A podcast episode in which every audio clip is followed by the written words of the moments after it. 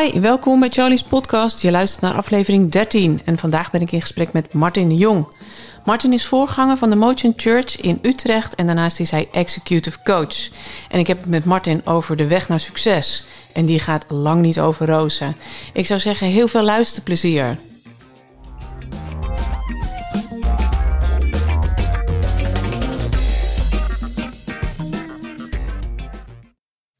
Dan gaan we hem ook gewoon meteen aanzetten. Goedemiddag, Martin de Jong. Welkom in Charlie's podcast. Aangedragen door uh, Martje Kemperman. Martje Kemperman, ja, een, een, hele bekende van mij, een goede bekende van mij. Iemand die ik ook echt waardeer, moet ik zeggen, omdat uh, we samen een opleiding gedaan. En uh, ja, daar heb ik haar ontmoet als iemand die ontzettend open is, kwetsbaar. en daarbij ja, gewoon precies de juiste snaren bij mensen weet te raken. Dus mhm ik schaar haar tot mijn favoriete. Zeg maar. ja. Dat is heel mooi. maar nou heb, je, nou heb je Martje voorgesteld. Dat is prachtig. Wil je ook jezelf even voorstellen? Ja, tuurlijk. Ik ben Martin. Uh, ik ben getrouwd met een hele mooie dame, Ankie. Al uh, eh, 29 jaar, ja, ja.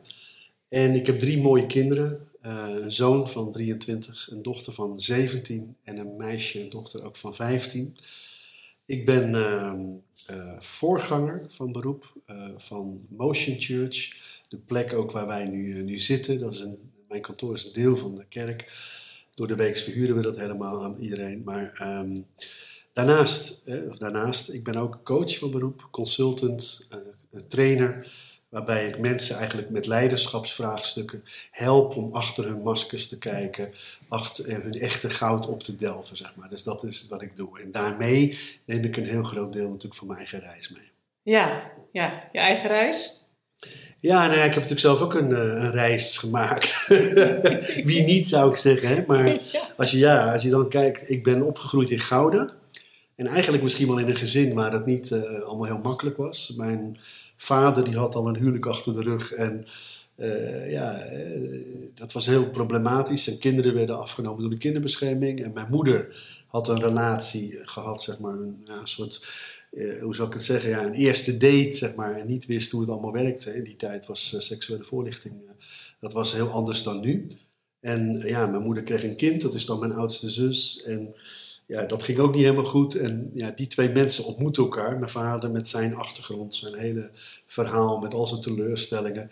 En mijn moeder, eh, die ook het nodige aan teleurstellingen had. Uh, niet in de laatste plaats, omdat dat was eigenlijk... Uh, ja, omdat ze in een heel streng hervormd nest opgroeide.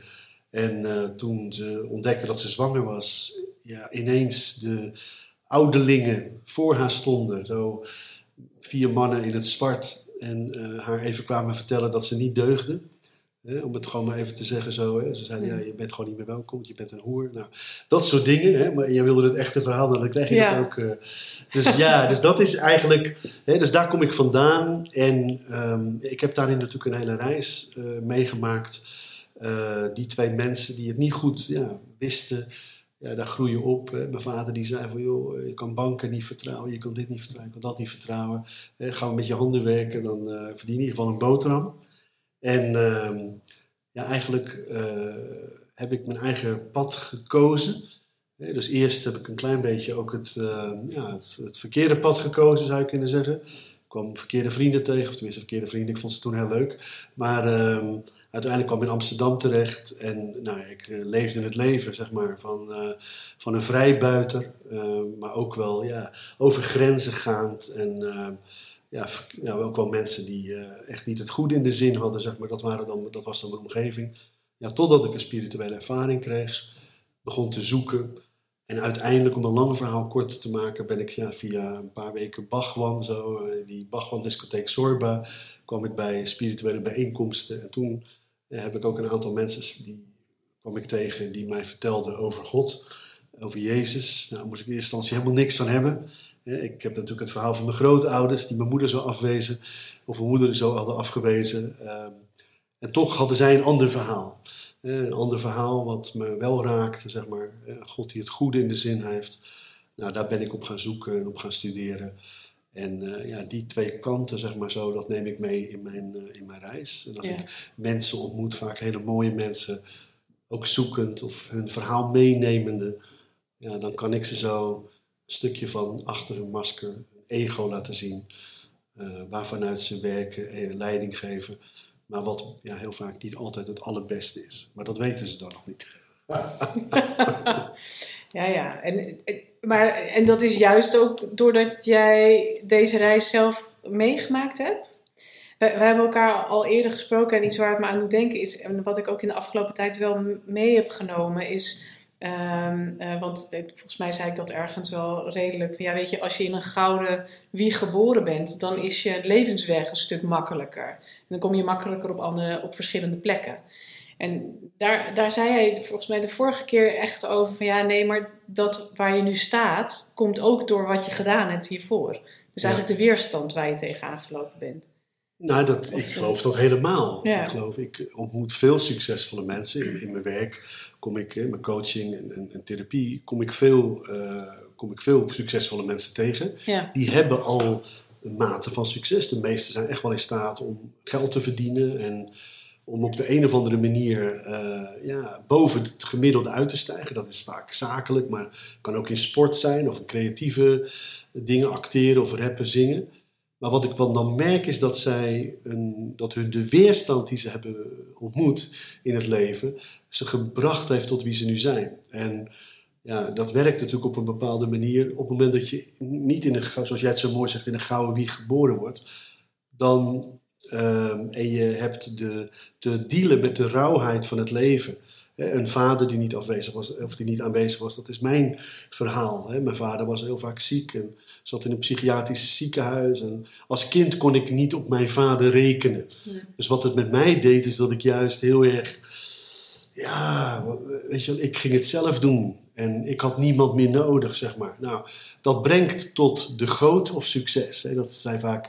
Maar dat zie ik ook bij mijn klanten. Hè? Dus ik zie, er zijn mensen die verdienen nu miljoenen. Maar zij hadden zomaar, ook met die opvoeding die ze hebben gehad, ze, hadden ze zomaar ook in een groot terecht kunnen komen. Of een drugsdealer geweest, of wat dan ook, zeg maar. Dus wat ik mooi vind aan het verhaal van mensen, is dat... Ik heb ook een rehabilitatie gehad waar de tuig van de richel uh, kwam. En wat, heel veel mensen hebben kunnen helpen. Dat hun verhaal niet veel verschilt van het verhaal van iemand die nu miljoenen verdient, zeg maar. maar wat ze beiden hebben is een stuk ongeluk. Een stuk iets waar ze tegenaan lopen. Wat ze aan de ene kant willen, ja, willen vermijden. En aan de andere kant willen ze het aangaan, zeg maar. En in die dynamiek, zeg maar, daar help ik mensen.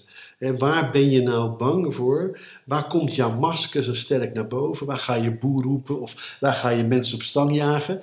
Maar waar, wat is dat nou eigenlijk? Wat is nou die energie die erachter zit? Wat is nou, wat, wat, wat is nou, ja, waar, waar, wat, wat, wat, wat, wat mag er zo niet gezien worden? Mhm. Misschien kan ik het wel zo zeggen. En zit je dan altijd in die extreme? Want is het nou altijd van of je bent een drugscrimineel of je verdient miljoenen? Om even zo. Nou, die... Ik denk dat de Nederlander, dat is wel een mooie vraag die je stelt. En dan, ik ben heel blij met mijn land, laat ik dat voorop stellen. Maar ik zie ook dat wij in een land leven van gemiddelde. En dat we tevreden zijn met een zesje, een zeventje. Hè? Dus uh, ja, mijn vrouw is nog niet weg bij me. Dus ja, weet je wel, het is, moet ik het nog een kans geven? Of ja, nou het seksleven is niet perfect. Maar ja, weet je, dat is, de, ja, het is overal wat. Zo, dat hoor je vaak. Het is een mhm. soort, hè, als ik op naar de talkshows kijk, de, de, de Jinex en de Bo en de Op één, dan zie ik toch vaak een soort discussie over het, over het, ja, over het gemiddelde. Een beetje een soort, het, ja, toch ook wel, um, laat ik het zo zeggen, de, de, de en wat ik zo jammer vind, is, ja, dus ja het is de groot en het, of het is succes. Maar ik denk heel eerlijk, daarom vind ik die vraag zo mooi, dat 80% ja, ergens een soort doorheen wandelt en dan tevreden zijn met iets waarvan ze misschien ooit zeiden, daar ga ik nooit tevreden mee zijn. En dan noem ik dat even net zo, een, een huwelijk, een zesje, zo. Ja, nou ja, het kan beter, maar ja, weet je, ik heb gelukkig nog iemand. Of ja, nou ja het is gewoon niet perfect. Of ja, dat in plaats van te kijken van wat maakt nou dat je zo eigenlijk niet helemaal tevoorschijn durft te komen. Dat je niet helemaal voorbij je angst durft te gaan. Weet je wel? Dus dat eigenlijk, dat is het. Wat maakt nou dat en dat? En dat brengt je in, in middelmatigheid. Kijk, ja, als je geboren bent op in een plek en je hebt gewoon je opvoeding gehad en je vader was. Uh, de, maar je werd niet uitgedaagd, dan kan het zo zijn dat je in dat gemiddelde terecht bent gekomen. En ik denk dat ik daar wel heel veel moeite mee heb, eerlijk gezegd. Want ik kom daar niet vandaan. Ik heb een rauwe achtergrond, een rauwe jeugd. En ik zie de mensen die succes willen hebben, ook vaak wel die rauwe werkelijkheid hebben. Die rauwe kant, die, dat stuk van waar zij hebben offers moeten brengen. Zij hebben, snap je, zij hebben het moeten pakken. En zijn dat dan de mensen die, uh, dat, die succesvol willen zijn of die succesvol zijn? Uh, ik denk de mensen die ik coach, de, de, dat zijn mensen die hebben in ieder geval wel de dwang, de drang ja. om succesvol te worden. Uh, hè, die hebben ergens een stuk van. Want wat is succes willen hebben? Dat is, een soort, ja, dat is ook te, te voelen dat je er ongenoegen is. Dat er ergens een soort iets is, er is meer. Dat is, dat is wat succes willen hebben. En mensen die succesvol zijn, die komen vaak met: ja, ik ben wel succesvol of ik kan mijn geld verdienen en ik rij in een dikke auto en ik heb een mooi huis. Maar wat ik dan zie is dat ze wel met uh, al twee van hun secretaresses getrouwd zijn bijvoorbeeld. En dan denken dat het nu weer gaat lukken. Dus wat ik dan doe is dat ik ze dan meeneem en ik laat ze hun demonen aankijken eigenlijk. Dit zijn de demonen waardoor je op, uh, op de vlucht gaat steeds. Waardoor je niet de echte intimiteit aangaat. En dan komen we natuurlijk ook op het werkveld. En dan ja, blijkt dan vaak dat ze wel heel erg leider zijn vanuit positie heel erg spierballen, weet je wel. Dus heel erg baasje zijn, heel erg de, de, de, de leider willen zijn. Maar dan is er geen sprake van gelijkheid. Dus dan is er geen sprake van ja, dat daar zeg maar, uh, ja, dat daar respect is, dat daar een diepe ontmoeten is van mensen, zeg maar. Dus, hè, dus zoals ik het net probeerde te zeggen, is van, dan zie je toch ook de ontmoeting van de maskers. He, dus de baas die dan heel erg, boe, uh, ja, heel erg, wel heel erg de baas is, waardoor daar bij de ander minder ruimte is. En aan de andere kant zie je dan dat mensen dan zo, ja, dat ze dat ten diepste niet willen, maar dat ze eigenlijk gekozen hebben ooit om zo'n soort leider te zijn. Dat ontstaat gewoon. Ja. ja. Nou, doen we er meteen aan. Wat is dan de definitie van succes voor jou? Want vanaf de buitenkant kun je daar dus tegenaan kijken. Alsof zo iemand op zo'n positie, met zijn masker en zijn. Uh, dus succesvol is. Is dat wat jou betreft dan ook succesvol? Nou ja, kijk, ik ga niet over jouw definitie van succes. Natuurlijk. Nee, wat is jouw definitie van succes? dat gaan we natuurlijk terug te krijgen. maar ik ga niet over de definitie van het succes van mensen.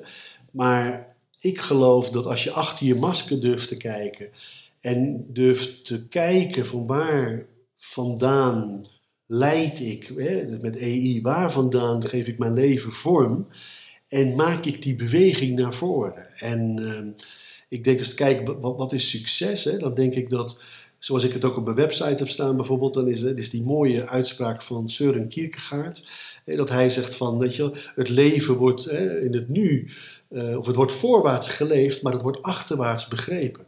En dat vind ik mooi. En ik denk, wat is succes? Dat is dat je je beweging naar voren in de gaten houdt. Hè? Ben ik in mijn plan bezig? Ben ik nog aan het groeien? Is er nog... En tegelijkertijd doe je dat door je leven achterwaarts gewoon te begrijpen. Door als het ware te begrijpen, mee te nemen zo van waar van waarom, ja, waarom stok je soms? Of waarom doe je iets niet wat je eigenlijk ten, ten diepste wil? Of waarom, waar komt die schaamte nou vandaan? Of snap je, waar komt, die, waar komt die rem vandaan? En dat is, als je dat durft aan te kijken, ja, dan ga ik niet over je succes, want, want dat is niet iets heel concreets, maar dan is dat wel een soort extase, denk ik. Snap je? Ik zie succes ook wel als een soort, als je door bent gebroken ergens doorheen, in een soort extase, in, dan in, in het geluk van het leven vallen of zo. Ik weet niet of ik nu heel uh, een beetje, beetje zweverig ga praten, maar ik begin er helemaal zin in te krijgen. Ja, ik zie het ja, ja, fantastisch. het is echt waanzinnig mooi. Het is jammer dat het een podcast is. Het is echt heel erg mooi. Ja, nee, volgens mij is zeker niet. Nou, maar er is wel iets wat ook nog. Want het lijkt alsof je dan alsof, alsof het allemaal fantastisch is. Maar dat is het volgens mij ook niet. Nee, helemaal niet juist. Ik, denk, zo, ik geloof niet dat het allemaal fantastisch is in die zin dat het. Want, want dat zou dat creëerbare succes zijn. Met je geld ga je dan dure Porsches kopen en buitenhuizen en weet ik het allemaal. Maar volgens mij is dat is het niet. Dat is mooi als dat er is. Maar als dat het allerbelangrijkste is, dan heb je succes gemist.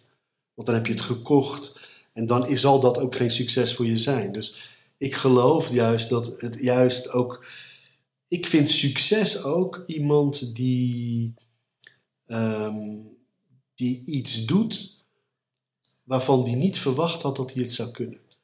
Of opstaan, weer opstaan, nadat je eigenlijk dacht dat je hier niet meer uit zou kunnen komen. Snap je? Dus, dus dat is het. Dus het opstaan, terwijl je denkt van ja, maar hier, dit kom ik niet meer te boven. Dat vind ik echt succes. En dat kan heel klein zijn. En in dat klein zijn is het natuurlijk ook heel groot.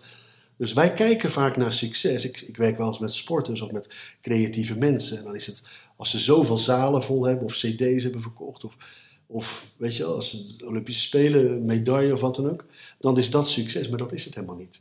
Als je het aan die mensen vraagt, dan is het succes, is het zeg maar dat wat ze hebben wat ze hebben uitgevonden om daar te komen. Dat geeft de extase en niet de medaille. Natuurlijk is dat een mooi einde. Ja, dat is pas, dat is pas het. Het, is, het, het, zit ook heel veel pijn in, denk ik. Hè? Het verlangen misschien ook wel. Ja, maar als je geen pijn hebt. Ik geloof, als je verlangen gaat krijgen, is ook gevaarlijk. Want als er verlangen is, dan is dat, is dat gaat samen met door de pijn heen gaan. Als je verlangen hebt, en je, want verlangen is iets wat opent van iets wat, ja, waarvan je zegt, ja, dit, is, dit zou hier zou ik naartoe willen bewegen, dan moet je altijd iets loslaten. En in dat loslaten kan heel veel pijn zitten. Als je iets moet loslaten, dat is, weet je, dat, ja, dat, dat, dat loslaten is ook pijnlijk. Maar het verlangen de ruimte geven, ja, daar moet je ook langs schuld. Dat je denkt, ja, dan moet je dus bij, misschien wel verraad of zo. Ik weet dat toen ik, ja, ik kwam hè, op een gegeven moment in mijn spirituele reis, kwam ik op een gegeven moment toch ook wel echt bij Jezus uit. En toen ik dat thuis vertelde bij mijn moeder en mijn vader, nou joh, die snapten er helemaal niks van. Zij zagen het toen ik best wel op het verkeerde pad was. Ik was in Amsterdam, ik deed allemaal dingen. Ik was een boefje met tienertijd. Nou, dat gedoogden ze. Ik zal niet zeggen dat ze er meestal te juichen, maar... En tegelijkertijd, toen ik daarmee thuis kwam, toen moest ik ze verraden. En later snapte ik pas natuurlijk dat ze heel veel hadden meegemaakt met die kerk. Eh, uiteindelijk, eh, ik weet nog dat ik mijn moeder, misschien mag ik het even zeggen, maar mijn moeder, ik weet nog, mijn moeder is, ja, die is nu eh, vier jaar geleden overleden, maar vijf jaar geleden, voordat ze naar een verzorgingshuis ging, ik, ik had natuurlijk, ja, kwam ik bij mijn moeder en, ze kon niet meer voor zichzelf zorgen. Dus mijn broer die was een avond weg en die zei van, joh Martin, wil jij daar zijn? En daar had ik het gesprek met mijn moeder. Dat ik zat daar en ik had koffie voor haar gezet en, en daar, ehm, daar keek ze me aan mijn moeder was een beetje schuw, die keek nooit, die had nooit echt intimiteit zo met haar ogen. Zo. Ze was lief en ze was, ik bewonder haar echt. Ook om wat ze gedragen heeft. Maar wat daar gebeurde was, ze keek me aan en ze zei, en dat, dat raakt me weer als ik het zeg. En ze zei van, als, ze zei, hoe kun jij voor, voor zo'n God kiezen, zei ze. Ik, hou, ik hield zoveel van je. Dus, ik hield, ze zei niet ik hou, maar ik hield zoveel van je. En toen kwam je ineens met die God. En toen hoorde ik natuurlijk dat zij is opgegroeid met een God die niet mijn God is, zeg maar. We noemen het alle twee misschien wel Jezus of God of de Bijbel, maar wat ik hoorde is dat zij zo ja, bestraft werd omdat zij ja, na een avondje stappen op, de achter, op een achterbank van een auto belandde en daar een goede vrijpartij had, terwijl ze niet wist hoe het allemaal werkte. En ze kwam bij de dokter, die moest haar uitleggen met allerlei poppen en dingen is het zo gegaan.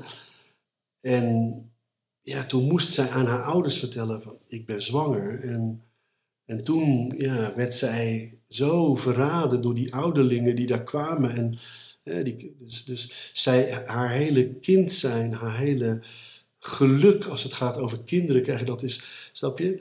En dan moet je je voorstellen, komt je zoon thuis, ineens, die, een boefje, en ineens gaat hij achter Jezus aan. Die vond, die, die vond Jezus ineens helemaal de geweldige leider en de geweldige communicator. Ik, ik sprak in die tijd over dat hè, de Bijbel is het boek, uh, je, beste leiderschapsboek, het beste, de mooiste, stoerste jongensverhalen staan erin. als je Hooglied leest, dat is gewoon, ja, dat is erotisch. Dus je wat, voor, wat, voor, wat voor boeken heb je nog meer nodig? Het gaat over communicatie, hè? dan Jezus de master communicator. Snap je? Dus zo... Dus dan, dan moet je Soms moet je, om ergens naartoe te bewegen, moet je iets verraden of iemand verraden. Ik heb mijn ouders toen verraden. En toch zou ik het, als ik het weer over zou doen, mogen doen, zou ik het weer doen. Want dat wat zij hebben meegemaakt, dat hoort niet bij mij. Ik heb, het heeft mijn leven beïnvloed, het heeft mijn leven gekleurd. Ik heb een mooie dingen. Ik ben er een strijder van geworden, een knokker. Maar ik ben ook een drager. Ik ben ook iemand die moeilijk kan ontspannen, omdat er altijd wel iets te doen is wat er gedragen moet worden.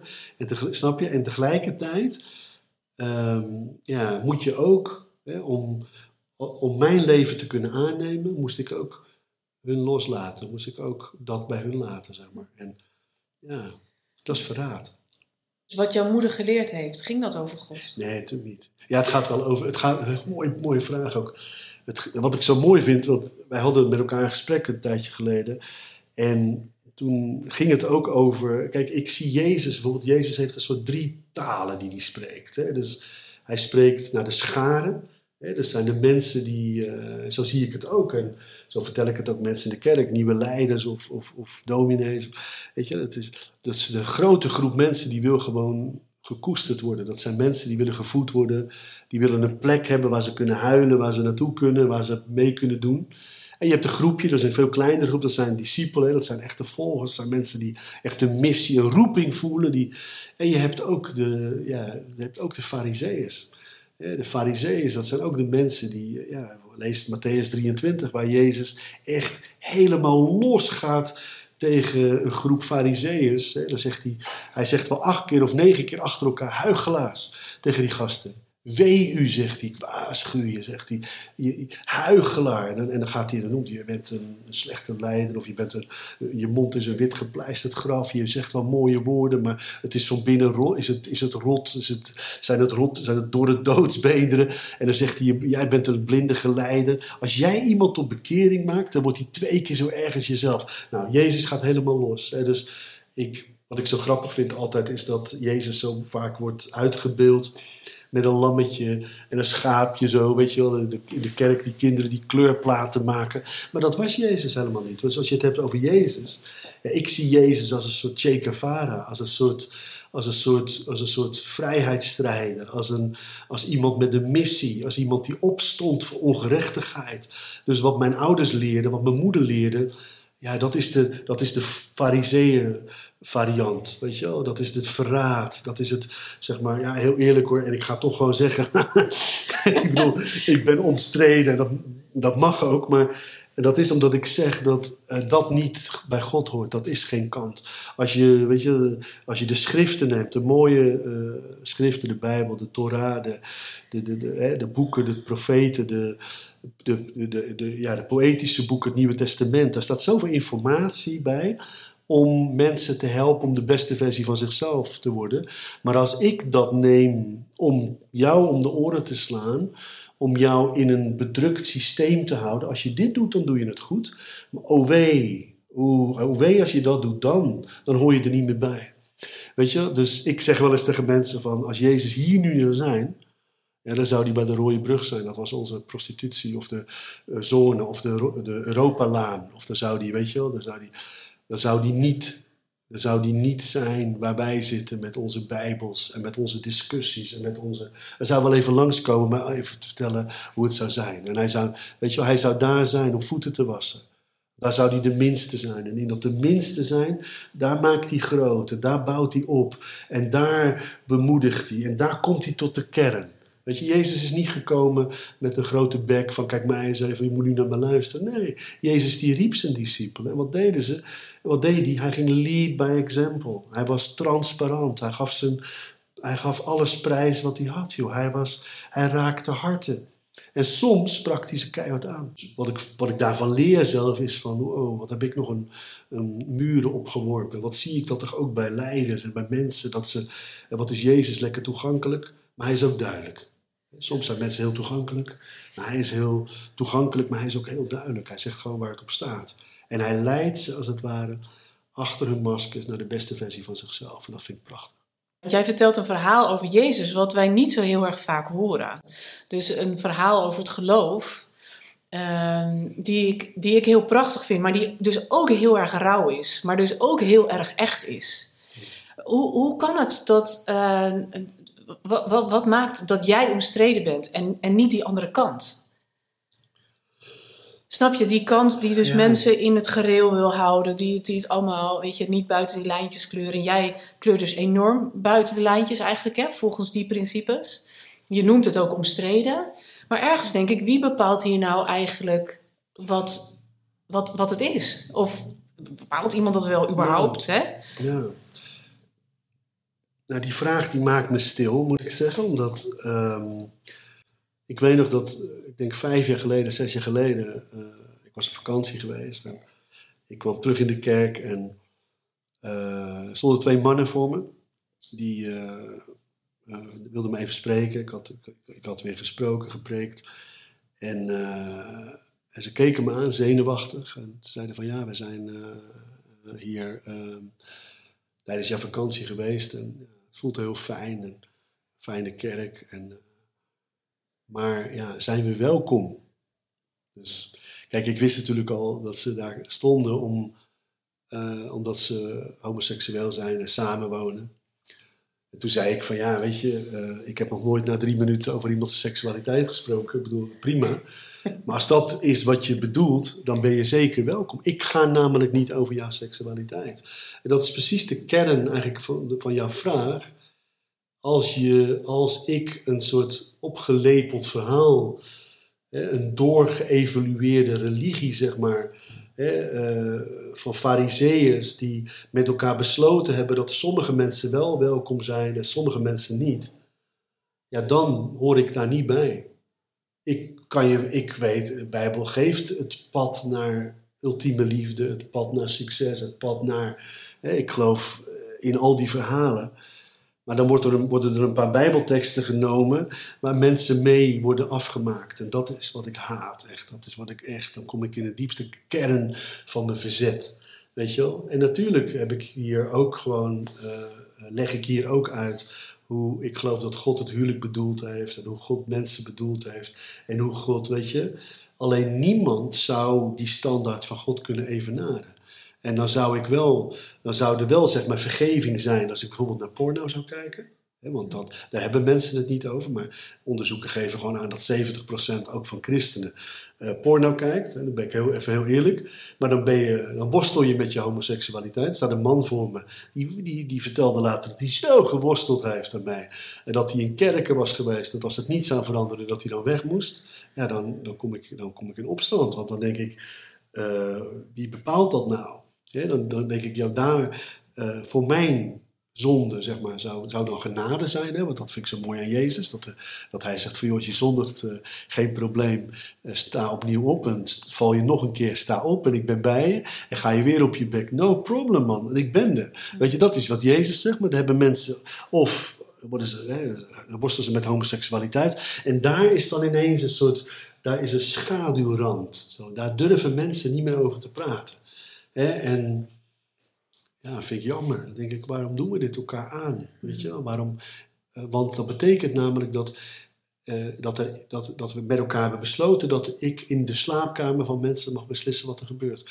My goodness, waar, waar hebben we het over? Ik denk als de. Ik ben echt een boefje geweest. Ik heb echt het nodige uitgespookt. En ik voel me zo geliefd door God. Ik voel me zo welkom met alles wat ik heb. Met mijn schaduwkanten, met mijn parelkanten, met alles wat er is. En ik mag er zo zijn, maar ik bepaal dan van ja, jij mag er niet zijn. Nee, dat, is, dat bestaat niet voor mij. Tenminste, ik geloof, ik geloof het niet. En je, je, je, dat merk je ook nu al, in, eh, in, eigenlijk ook in dit hele gesprek al. Maar jij, jij, voor, voor jou is de Bijbel ook een heel erotisch boek. Hè? Je noemde het net, raakte je het al even aan. Ja. Ja. Haha! Tada! Ja, nee, kijk, weet je, dat vind ik ook zo mooi. Hè? Dus dat hebben we het net over, dat, dat, wat mag er dan niet zijn? Er is een groep mensen, laten we zeggen fariseeërs, die bepalen dan wat er wel en niet mag zijn. Bijvoorbeeld ook, nou ja, hè, dus dan, um, um, hè, dan, dan, dan, dan hoor ik dominees wel eens praten over zo'n Nashville-verklaringen. Bij bepalen, bij, is dat een statement, wat er dan, hoe de Bijbel over seksualiteit denkt. Dan denk ik, nou, heb je nooit Hooglied gelezen. Hooglied is het middelste boek van de Bijbel. Ja, dat is gewoon één kleffe, erotische bedoeling. Waar ze elkaar helemaal opvreten en, en, en uren seks hebben met elkaar. En er helemaal in opgaan. En ik denk dat heel veel zeg maar, van onze stoere Calvinisten... dat die kunnen leren van de taal die er in Hooglied wordt gesproken. Het is zo'n erotisch boek, man. Jij bent van mij en ik ben van jou. En dan, het is, weet je, het is helemaal gewoon een reis van het leren jezelf helemaal overgeven aan de ander. Dat is prachtig. Dus ik vind, ja, naast het beste leiderschapsboek eh, eh, en communicatieboek, vind ik het ook, eh, vind ik het ook een erotisch, uh, een erotisch verhaal. Ja, waar ik wel op aansla, eerlijk gezegd. Ja. Je ziet hem in de stralen. ja, dat is prachtig. Ja, dat is... Ja. Waarom hebben we het hier zo weinig over? Hoe kan dat toch? Nee, omdat het gegijzeld is door... Eh, kijk, laten we eerlijk zijn. Als ik tegen jouw kerk zeg, dan...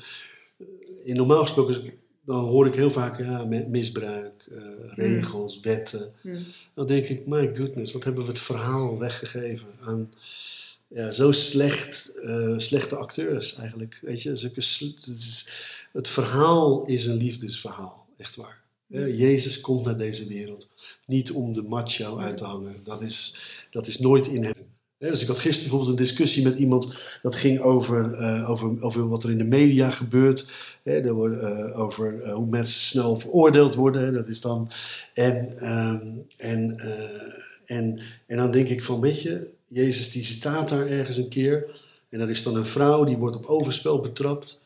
En dan zijn al die fariseeërs, die staan die stenen al te wegen. Hmm. Die, staan, die leggen die stenen al klaar, want ze mogen haar stenigen. En het enige wat Jezus doet, die schrijft iets in dat zand.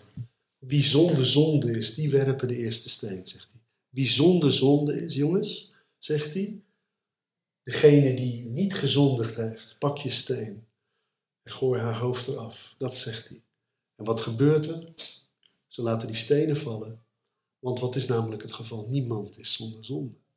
Niemand kan zeggen, ja maar oké Jezus, ik sta vooraan. Nee. Dus in, dat, in die spiegel die Jezus voorhoudt, dat is wat hij doet, hè jongens. Oké, jullie hebben je stenen vast. En ik zie het helemaal voor me. Dat was een rauwe werkelijkheid. In die tijd stond op overspel, zeker voor vrouwen, hoe hypocriet ook, stond de doodstraf. En wat gebeurt er? Zij, ja, die vrouw staat daar in al haar paniek, in al haar ellende. Door een keiharde menigte die geen genade kent. Die alleen maar uit is op haar hoofd en die alleen maar uit is om haar kop eraf te hakken. En dan komt Jezus. Dat, dat waardeer ik zo. Daarom, ja, daarom hou ik van Jezus en daarom kus ik zijn voeten. Omdat dan is, wat hij dan doet, is ultiem leiderschap namelijk. Dat is, hij gaat hij zegt niet je doet het fout en niet doen en oh joh, geef me nog een kans. Dat doet hij niet. Hij houdt een spiegel voor. En dan zegt hij wie zonde zonde is, zegt hij. dat zegt hij niet, dat schrijft hij in het zand. Dus als jij zonder zonde bent, dan mag het. Want dan heb je recht. Nou, de enige die dat kon zeggen was Jezus. En wat zegt Jezus? De enige die kon zeggen: Ik ben zonder zonde. Ik mag die steen werpen. Hij kijkt die vrouw aan. Dat vind ik zo mooi. Hij kijkt die vrouw aan. Hij zegt: Hé, hey, Kijk eens waar ze gebleven zijn. Ze hebben je niet veroordeeld. En ik, zegt hij, dat vind ik zo mooi, ik veroordeel je ook niet. Ga heen. Vind je dat niet prachtig? En dat is het verhaal wat we niet meer horen. Als we zeggen kerk, dan horen we nu, een tijd geleden hoorde je ook weer over uh, ruzies bij kerken met uh, reporters voor de deur. Het is rauw, het is een soort trekken, het is een soort, het is een soort wel nietes. En um, maar het, de kern van het verhaal, ik kom het niet meer tegen. Nee. Mag je nog iets anders vragen? Zeker. Je hebt het over zonde en je noemt ook vaak het woord zonde. En ik ben er ook wel van overtuigd dat taal, ja, taal doet iets met wat je. Uh, en ik geloof er heel erg in dat we juist de positieve kant moeten benadrukken. Um, want als je, als je het hebt over het goede voorbeeld, en wat, wat Jezus dus ook deed, en wat jij volgens mij ook doet. En, um, dus dan wil je juist uitlichten, hey, dit gaat er heel erg goed. En hier hebben wij het de vorige keer volgens mij ook al over gehad, want ik ga er heel erg uit van het goede van de mensen en van dat dat er eigenlijk alleen maar is. Uh, daar breng jij nuance op aan, volgens mij.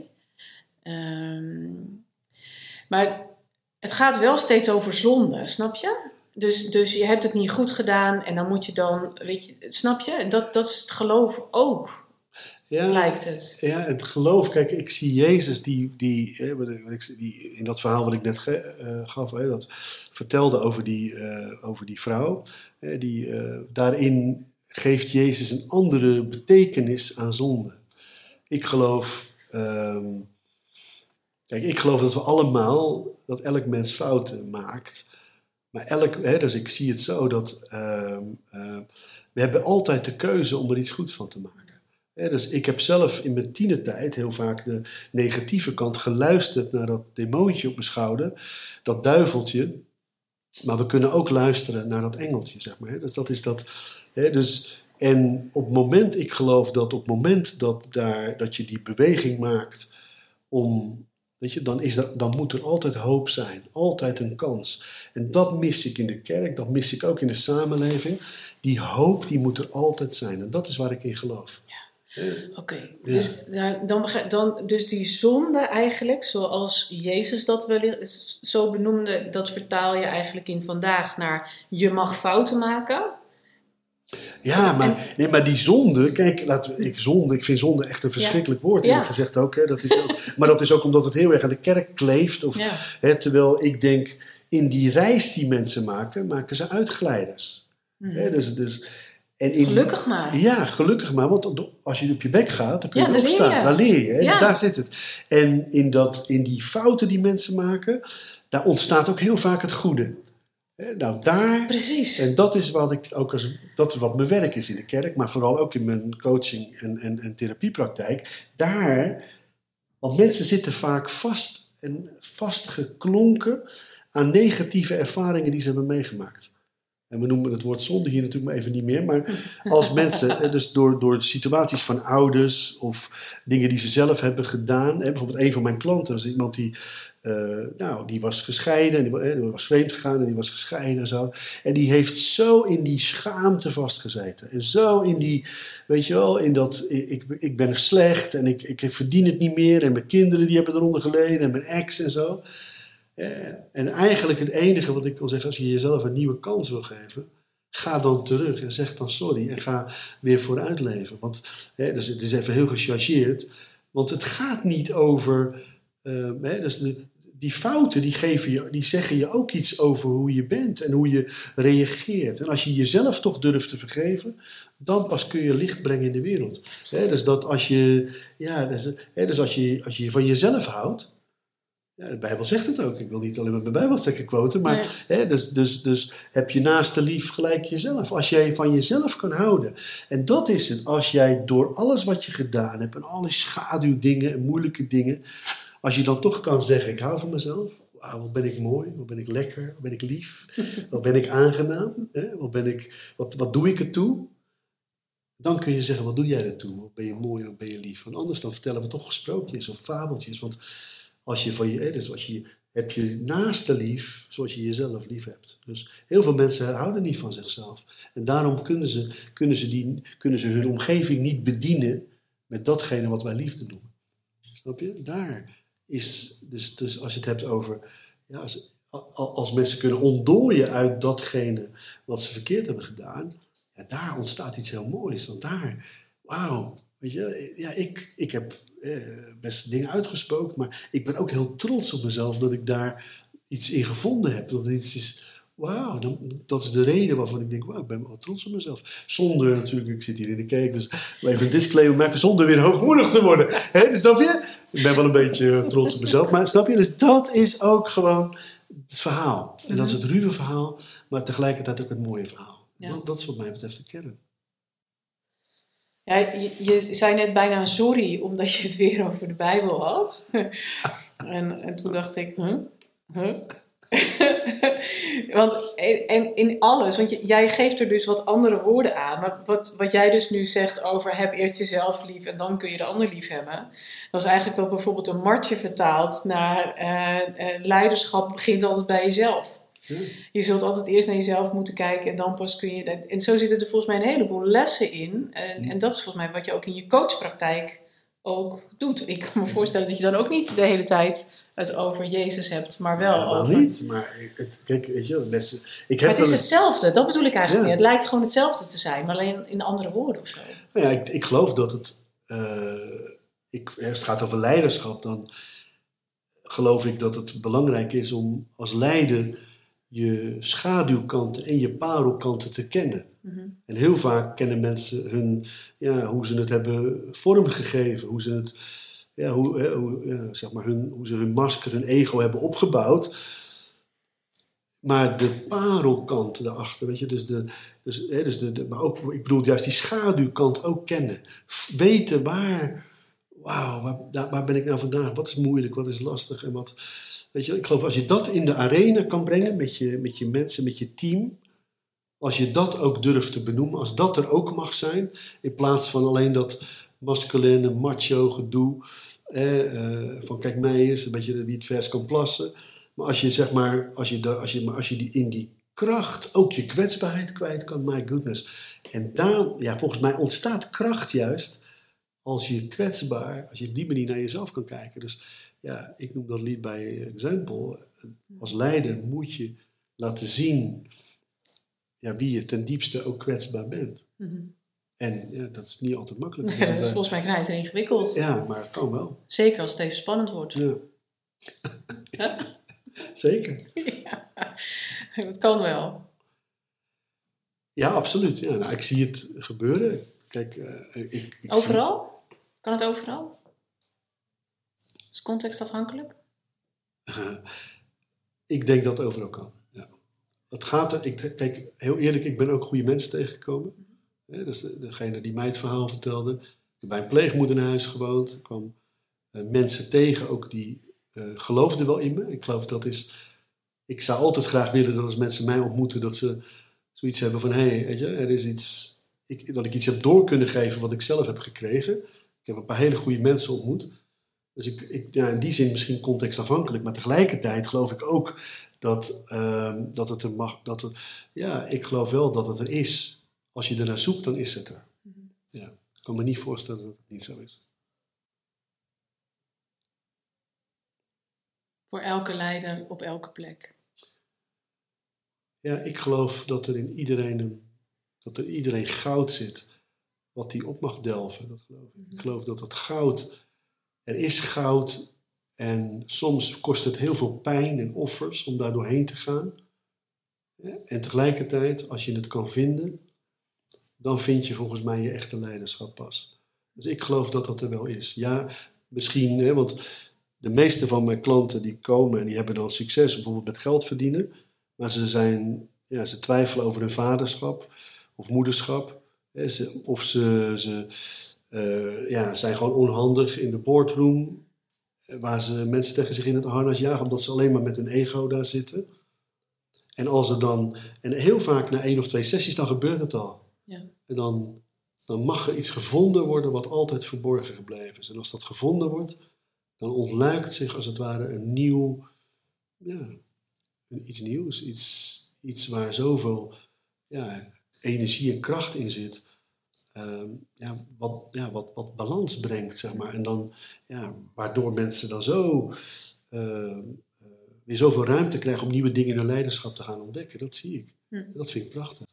Als je hier nou eens vanuit, eh, je bent ook systemisch opgeleid, hè? Ehm, want, want jij doet dan dus een interventie, in dit geval heb je het over een boardroom, dus jij doet een interventie al dan niet op individueel niveau. Is dit altijd nodig om vanuit extern dan eh, binnen te komen om dit soort interventies te doen, om een doorbraak te forceren? Of kunnen mensen het ook zelf? Nou, ik moet eerlijk zeggen, ik denk dat. en natuurlijk is dat ook mijn brood, maar.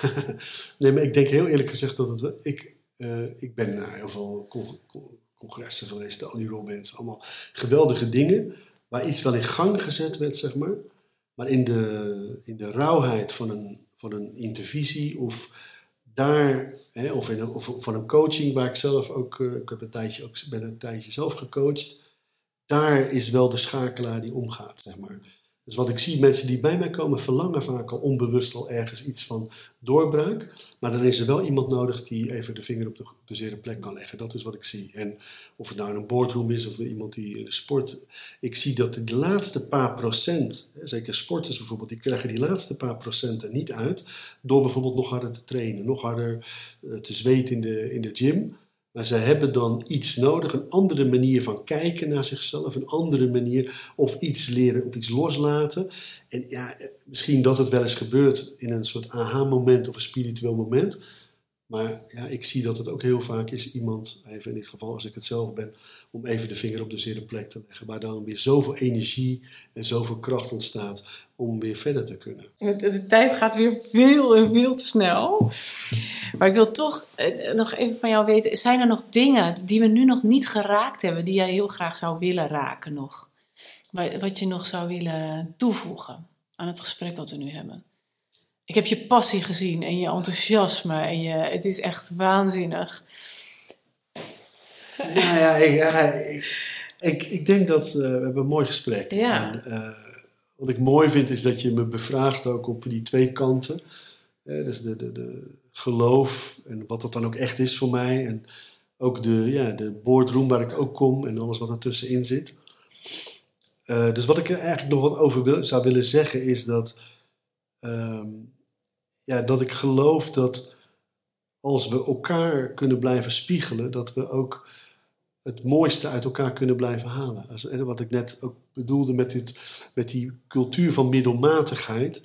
Als we elkaar, zoals wij dat nu zo mooi doen, als je elkaar kan durven blijven bevragen, ehm, even blijven spiegelen zonder oordeel. dus het oordeel eraf kunnen halen in datgene wat we tegen elkaar zeggen wat voor betere versies we om ons heen dan ook willen creëren. Dat geloof ik. Wat zou je willen zeggen tegen de mensen die dat heel erg spannend vinden om te doen?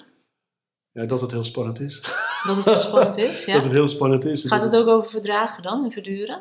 Ja, ik denk het wel. Ik, denk, ja, ik geloof dat uh, het is heel spannend om jezelf te laten zien. Mm het is heel spannend om uit een patroon waar je al heel lang zit, om stapjes te maken richting misschien wel een nog betere of gelukkiger jij. Maar daarin moet je door die naaktheid van, als ik nu mijn bek ga, dan. Nou, dat, ja, maar hoe, hoe mooi is dat? En ik denk dat we dat met elkaar samen ook kunnen.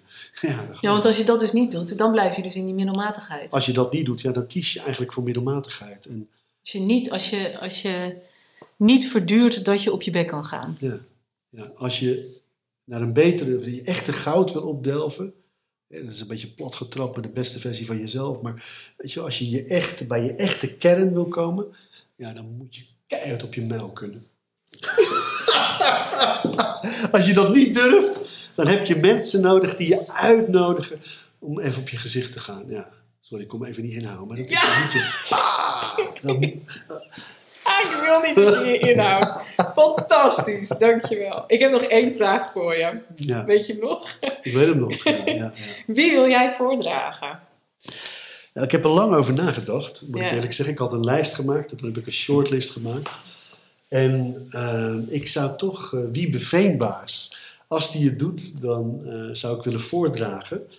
Omdat ik heb ik ben denk ik 15, 8, 16 jaar geleden begonnen met coachesopleidingen. En ik heb veel geleerd, maar de laatste zeg maar paar jaar heb ik veel bij Phoenix gedaan.